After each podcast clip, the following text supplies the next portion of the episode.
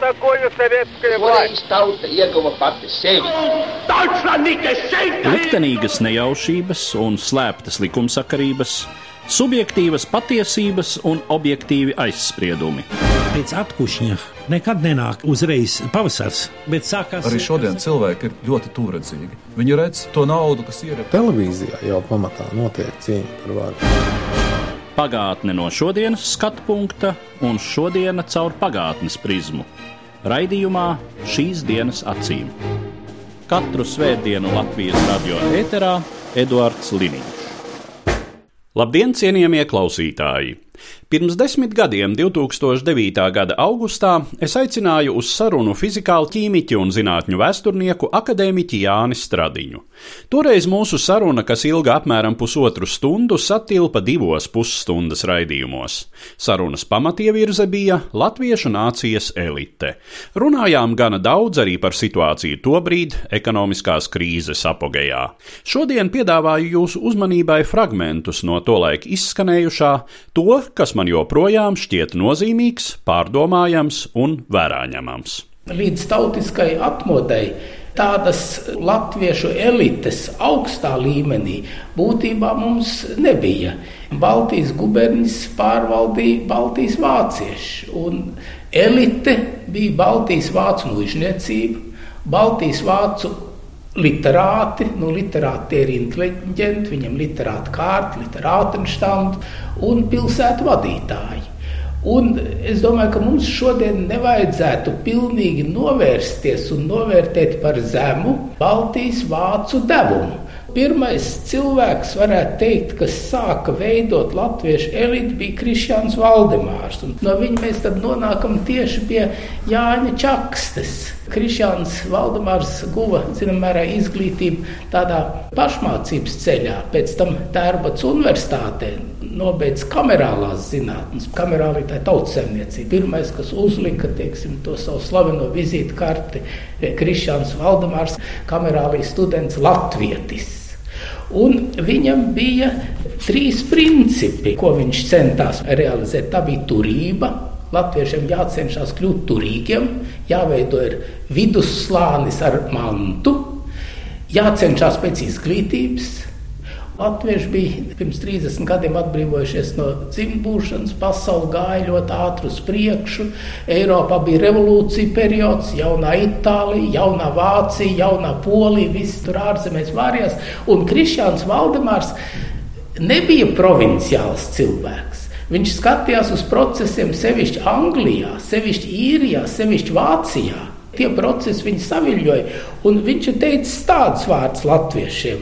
Topiet žigli un knaši, kā citas mācītas tautas visapkārt Eiropā, un neapkaunojiet mīļu latviešu tautu, lai citi nevar teikt, ārē, te nu tie tapa palaisti brīvā, bet vai tiem sliņķiem, vai tiem nelgām tas, ko palīdzēja, tie palika gandrīz tādi paši kā vecā dzimtā būšanā. Un ziniet, tie vārdi man liekas aktuāli arī šodien. Tā kā Krišjāns Valdemārs to 1862. gadā zināmā mērā paredzēja uz priekšu. Raksturīgi, ka šī pirmā latviešu elite veidojās ne Latvijā, ne Baltijas guberņās, kur viņiem nedēļa ceļu Baltijas mūžnieki, bet veidojas it kā trimdā. Tas ir Pēterburgā un Maskavā, ārpus Latvijas. Es gribētu pat sacīt tā, ka šī trimdas kultūra un trimdas saistība Latvijā. Tā ir arī tāds fenomens, kas vēlāk pavadīja latviešu elites veidošanos. Jo mums arī pašreiz, patiesībā sakot, ir vēl atliekas no tās trimdas elites kultūras, no politiskās trimdas, Amerikā, Vācijā, Zviedrijā varbūt, un no tās, kas sāk veidoties Latvijā. Un Latvijā šī elite sāk veidoties. Būtībā runājot par Rīgas Latviešu biedrības dibināšanu, ja mēs neuzskatām par tādu nelielu eliti, skolotājs un varbūt pirmos latviešu nu, veterināru ārstus, ārstus mācītājs. Un skolotāja loma, protams, toreiz bija daudzkārt lielāka nekā skolotāja loma ir Tagad arī skolotāja prestižs bija daudzkārt lielāks. Tā bija tāda nu, vidējā līmeņa intelektuālā elite, ko mēs mērnieku laikos lasām. Bet tāda turīgo cilvēku elite, tā sāka veidoties Rīgas Latviešu biedrībā. 1868. gadā. Un faktiski uzreiz jau te iezīmējās tāda lieta - latviešu šķelšanās. Tur bija Rīgas Latviešu biedrības pirmos gados zinātnības vīri un saimniecības vīri, kas dikti plēsās viens starpā. Un tā ir ļoti raksturīga, man liekas, latviešu tāda nu, pretstāve pat ne tik daudz šķiru pretstāve, cik nu, dažādu grupējumu pretstāve. Tā nav jauna parādība Latvijā. Tā parādība Latvijā bija, es domāju, jau pirms kādiem 140 gadiem.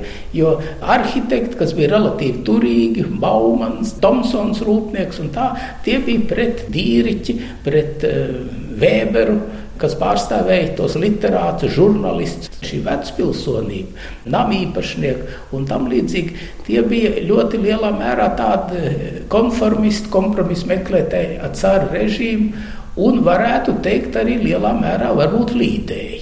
Jo monarhisti viņi gribēja pārspēt Baltijas vāciešus savā uzticībā, Krievijas ķeizaram savā laikā uzstājās pret 5. gada revolūciju. Un tad faktiski nāca tāda dziļāka šķelšanās latviešos.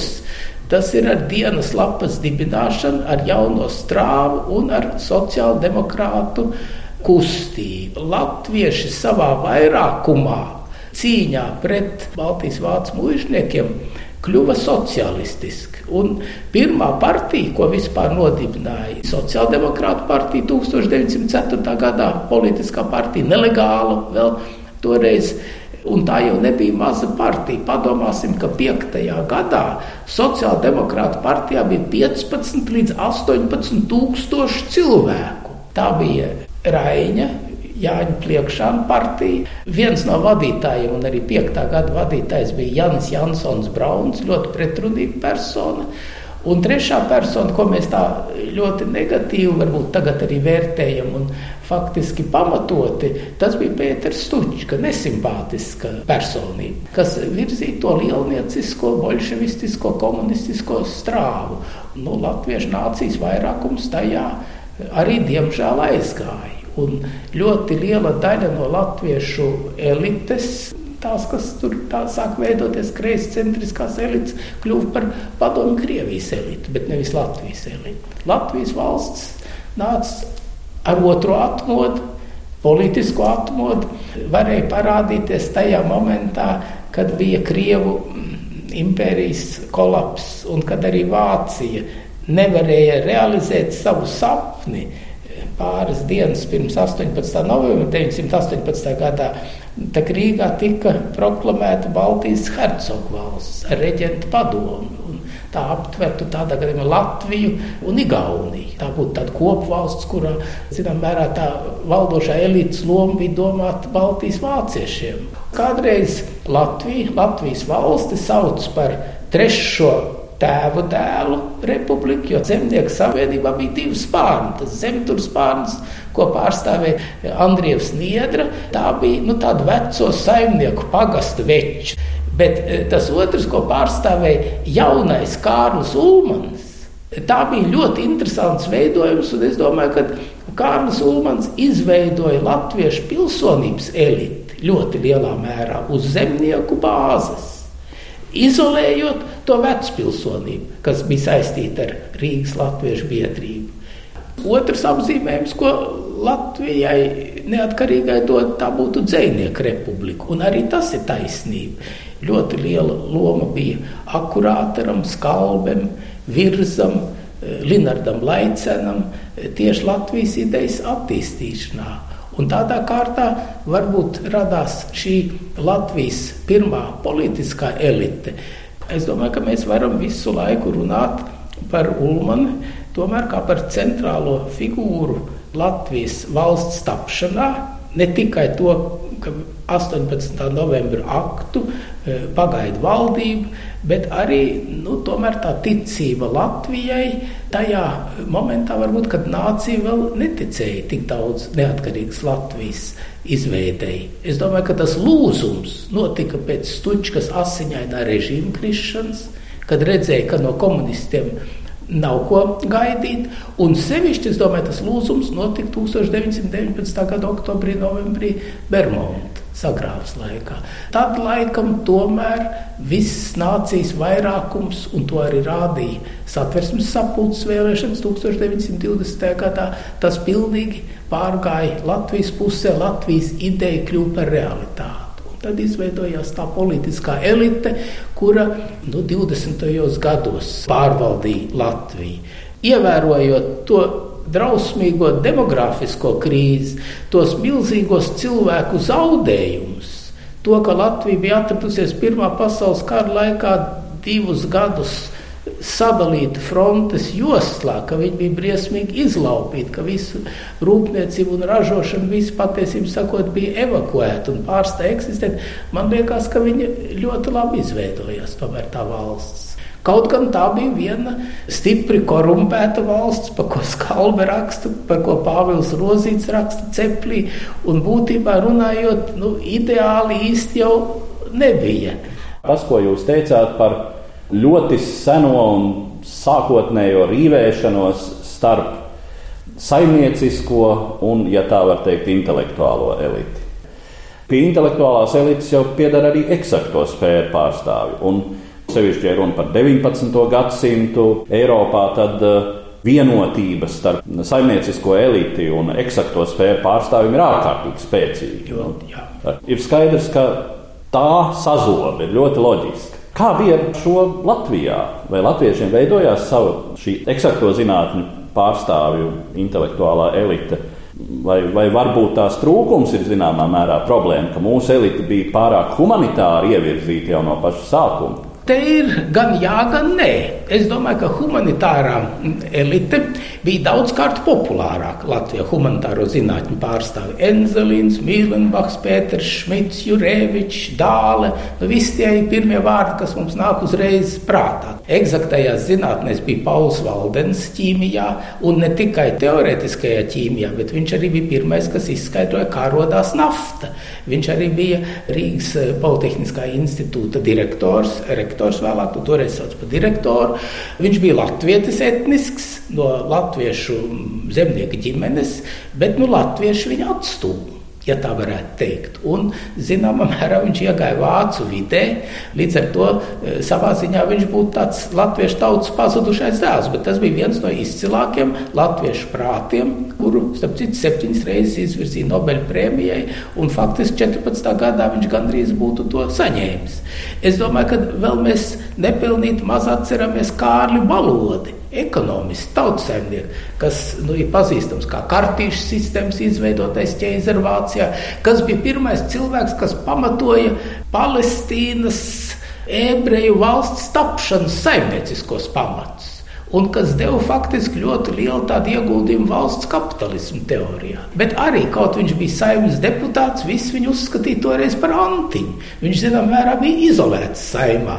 Kas tomēr ir palieti? Izveidojās ļoti labi ķīmiķi, Straumans. Jirgensons, tiešām tāda Eiropas klases ķīmiķa no latviešiem, izveidojās daži fiziķi, kas bija saistīti ar VEFu un ar tehniskiem jauninājumiem VEFā. Vefā parādījās arī e, aviokonstruktors Irbīt. Parādījās Arnolds Jirgensons, tas bija brālis Bruno Jirgensonam, kurš deva galalītu materiālu no biespiena, taisītās plasmas, tās pogas, eksportēja uz Turciju. Latvijā tam nebija tik liels noiets. Bet kas ir ļoti raksturīgi? Ka Tie latvieši, kas aizbrauca uz Amerikas Savienotām valstīm, tur tomēr vairākums neaizgāja uz humanitārām zinātnēm, kā Vaira Vīķa Freiberga, bet aizgāja uz eksaktām zinātnēm. Un Hartmans, informātikā, Turinga balvas laureāts, eh, tas pats Jirgensons, tas pats Straumans, upatnieks izgudroja hologrāfiju. Eh, latvieši bija būtībā runājot viena no tām minoritātēm, un tas nav patriotisks pārspīlējums, eh, kas līdzās ebreju ebrejiem deva 50. gados Amerikas Savienotās valstīs tieši tehnisko zinātņu specialistus lielā skaitā. Vēl viena tāda īpatnība par latviešiem, tas ilgas un tomēr latviešu un igauņu kāpēc atšķirās tik ļoti. Viens no faktoriem bija Tērbats universitāte, bet otrs faktors varbūt bija tas, ka Igauni nebija tik ļoti naidīgi noskaņot pret vācu baltiešu elitu kā Latviju. Latvijā tas bija sevišķi 5. gada revolūcijā, arī viss tā mūža dedzināšana un visas tā, tās domstarpības, bet Igauņi bija daudz ātrāk. Fēlmans un Kreitsvalds un Igauņu literārā biedrība, atšķirībā no Rīgas latviešu biedrības, nebija antivāciska. Viņa zināmā mērā bija tāda konsolidējoša. Viņa arī vāciešus uzņēma. Karls Širrens bija e, tās biedrības goda prezidents. Un man liekas, ka taisn tas eiropeiskums. Redzēt, Somija ar Zviedriem jau var atrast daudz vieglāk. Mums, es domāju, ļoti daudz slikta deva tā krasā konfrontācija starp latviešiem un vāciešiem. Latvieši ir ļoti dažādi. Viņi no vienas puses pieglaimīgi, klaušu laika, atliekas daudz ir, bet no otras puses varbūt tas krasais konfrontējošais elements, kas ir, tas neveido labu. Tā iekšējā šķelšanās un arī šķelšanās sabiedrībā, tas, es domāju, mūs velk uz leju zināmai nacionālai pašapziņai ir jāsaglabājas mazas tautas vidū, lai vienkārši viņi varētu pastāvēt. Nu, kaut vai tiksim, tā pati Jāņu tradīcija, tā kā nacionālo tradīciju uzturēšana, visa dziesmu svētku tradīcija, tautiskie tērpi svētku reizēs. Tas man liekas, ka ir ļoti apsveicami un to mazo tautu izceļ. Un arī izceļ uz unificētās Eiropas fona. Bet tas, ka mums ir jāprot atzīt līdzās sev arī to svešo, kas ir. Man liekas, ka tas ir ļoti nepieciešams latviešiem. Būtībā jau latvieši ir ļoti toleranti. Daudzkārt viņi ir pārāk toleranti. Arī tā jāsaka. Bet dažkārt atkal ir nu, nepamatoti iecirtīgi un nepamatoti atgrūdoši. Jo tomēr Eiropaiskam kultūras elementam, baltu vienības kultūras elementam, arī lietuviešu, igauņu, tam arī ir jāpastāv Latvijā līdzās tam latviskajam. Visskarbāko tādu vērtējumu latviešu elites šī brīža situācijā es dzirdēju no sava kādreiz kolēģa Mārča Bendika, kurš teica tā, mūsu politiskā elite ir totāli mazspējīga, mūsu saimnieciskā elite ir totāli bezatbildīga, un mūsu intelektuālā elite nespēja dot šai situācijai nekādu risinājumu. Viņa secinājums no tā visa bija, ka latviešu tauta ir nolemta. Krišjāns Valdemārs latviešiem pateica, ka neiznīkšot vismaz līdz 2050, laikam, otrajam vai trešajam gadam. Tas ir toreiz viņš teica 200 gadus. Ne, bet es neesmu gan tik pesimistisks. Es domāju, ka mēs pārdzīvosim to 2053. gadu arī. Un cits jautājums, cik mēs būsim nu, kreatīvi tauta, cik mēs būsim pamanāma tauta.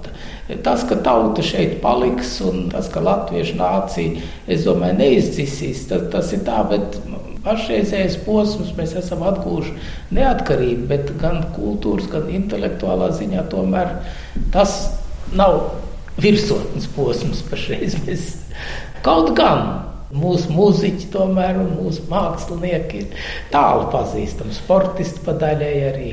Nu, runājot par šo situāciju ar mūsu eliti, dažādās tās izpausmēs un dažādos slāņos, ir, protams, pilnīgi skaidrs, ka pusgadsimts bija ļoti nelabvēlīgs daudziem elites segmentiem. Tas bija nelabvēlīgs, nu, protams, saimnieciskās elites veidošanās ziņā, tāpēc, ka padomju sistēma vispār normālas saimnieciskās elites izveidošanai bija pilnīgi nepiemērojama. Un, ja bija apsviedīgi ļaudis, tad tie savukārt izstrādāja sevī tādus paņēmienus un ierašas, kas normālai situācijai neatbilst un, un kropļo.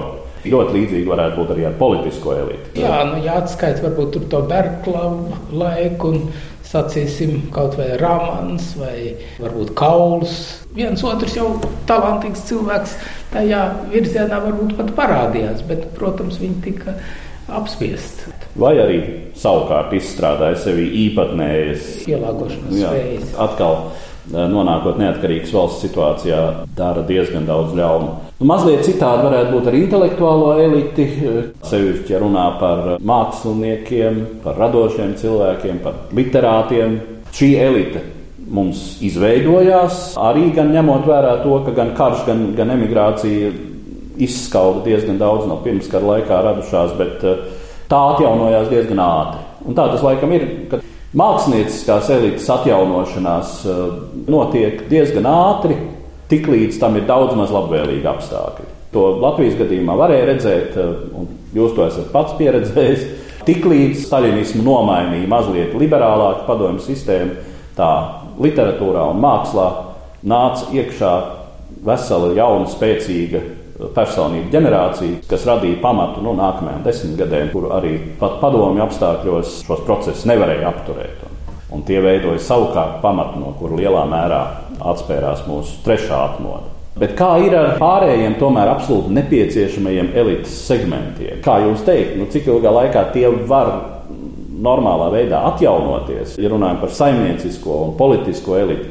Es domāju, ka mums jārunā starp citu arī par zinātnē, par augstāko izglītību. Un varbūt pat ne tikai starp citu, jo būtībā eksaktajās zinātnēs, sevišķi ķīmijā, farmaceitiskajā ķīmijā, arī fizikā, daudzās nozarēs, arī informātikā, mums izauga padomi laikā tajos 50 gados, īpaši pēc 56. gada, es domāju, ļoti laba, spējīga zinātnieku paudze, arī molekulāra bioloģija, arī gēna inženierija, arī hidrobioloģija. Viss šis nozara komplekss.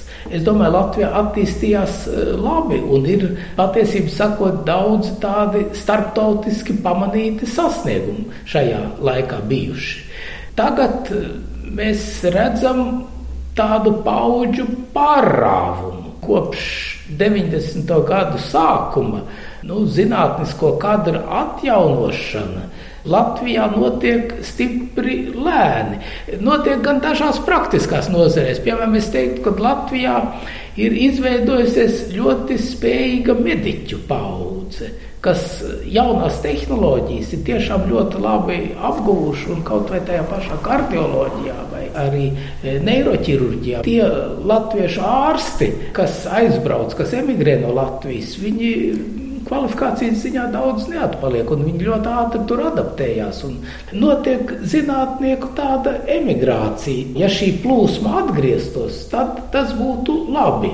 Jāuztur ir dzīves līmenis zinātnes centros, lai būtu šeit tā vide, kur atgriezties. Tas nozīmē, ka tomēr jāuztur ir institūti, jāuztur universitātes, jāuztur bibliotekas, jāuztur ir kultūras vide, kurā būtu patīkami atgriezties, sacīsim, uz patriotismu vienu vai uz kādas eh, tēvzemes eh, mīlestības, kā Krišņāna Valdemāra laikā globalizētā pasaulē. Nu, pasaule noslēņojās arī.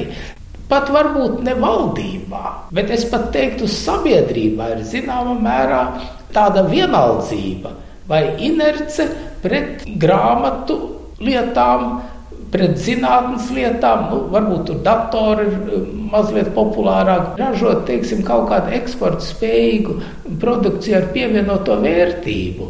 Nevarēs bez kādām jaunām idejām, bez jauniem izgudrotājiem, bez Latvijas patentiem un labu augstāko izglītību mums vajadzētu pa visu varu saglabāt. Protams, arī visa tā skola reforma, es saprotu, cik tā ir vajadzīga.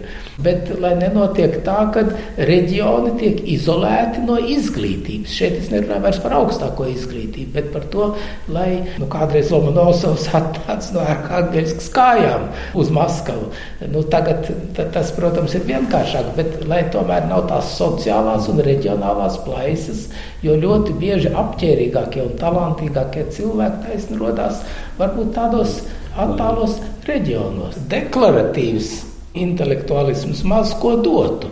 Varbūt, kad vairāk tas būtu jādod caur skolotājiem, caur skolu, caur ģimeni, caur vispārējo sabiedrības varbūt vērtības skala. Mums tā vērtības skala ir stipri noslīdējusi un tiek popularizēts. Protams, atkal es negribu to modernu uzbrukt plašsaziņas līdzekļiem, bet, nu jā, nu, ko pieprasa, to dod. Un tas tiek daudzkārt vairāk popularizēts nekā varbūt kādas atziņas, nu, kaut vai jaunumiem medicīnā, ja mēs runājam par cilvēku pašu, kaut vai jaunumiem, pat revolucionāriem jaunumiem dažādās tehnoloģijās. Tas ir ļoti svarīgi. Tos nekad nepasniedz kā tādas sensācijas, vai tas ir pārāk grūti sagremojams.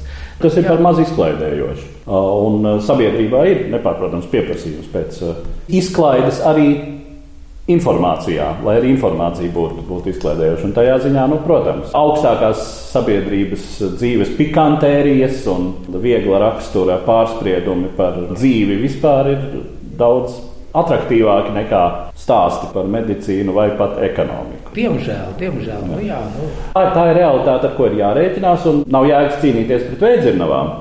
Vienīgi politiķiem būtu jābūt gudrākiem. Tas, ko viņi varētu darīt, viņi varētu mazliet norobežoties no šīs sfēras, arī dzen, nu, nekļūstot par taiskaitā izklaides industrijas pakalpiņiem, lai sadarbības partneriem, sevišķi priekšvēlēšana periodā, no kura gala tad ir jāsāk varbūt tas ķibeļu muģeklis šķetināt vaļā. Un, nu, kuri būs tie jaunie Krišēni Valdemāri, eh, kur viņi varētu rasties?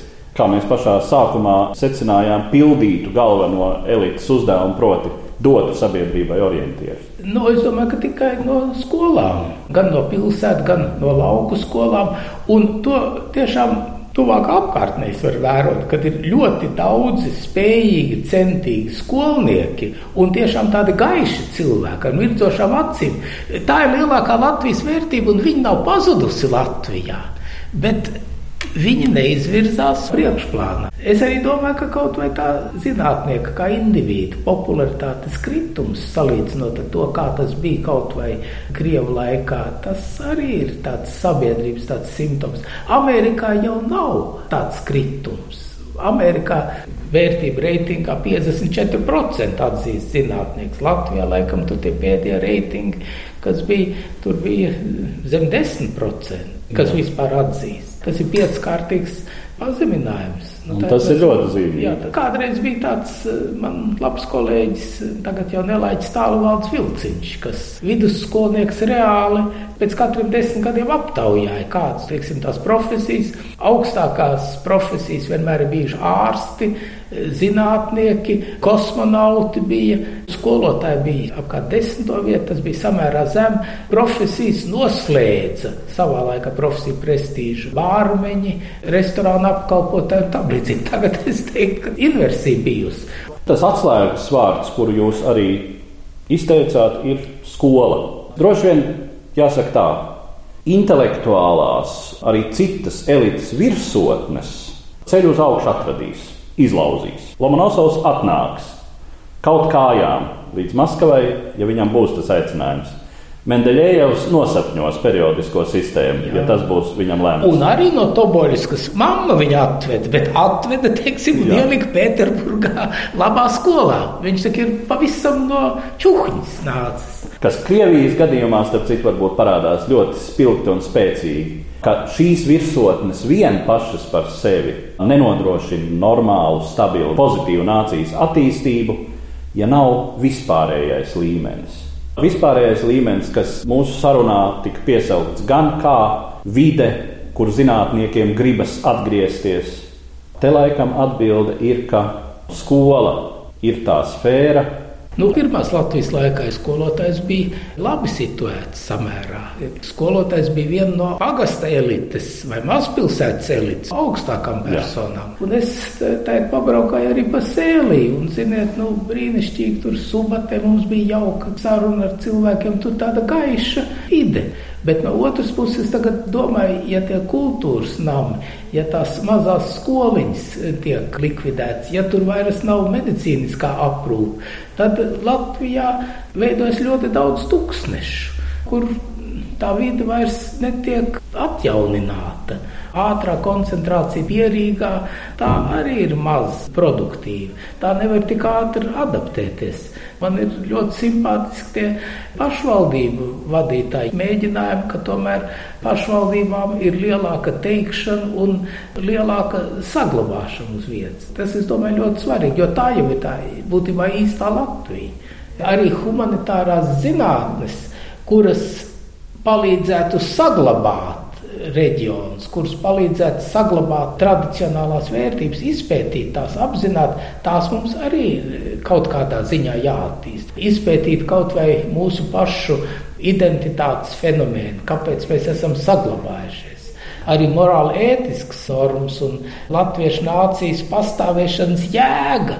Tomēr būtu ne tikai tādēļ, ka mēs kā tāds etnisks fakts esam uz šīs zemes pleķa izveidojušies, bet ka mums varbūt tomēr ir kaut kāds virs uzdevums arī kaut ko dot pasaules kultūrā. arī visas demogrāfijas problēma, kas Latvijā ir.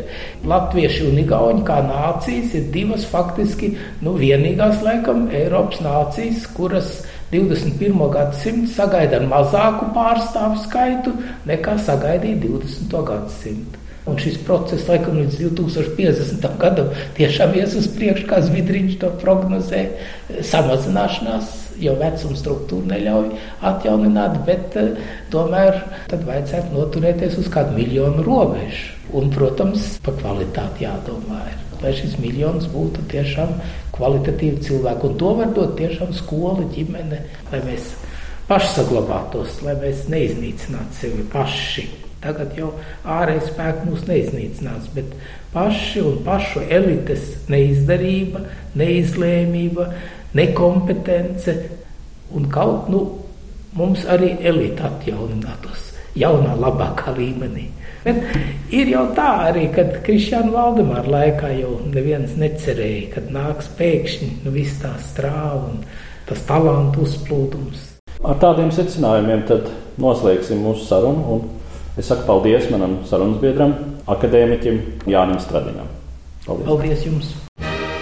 Katru svētdienu Latvijas radio viens par pagātni sarunājas Eduards Līniņš.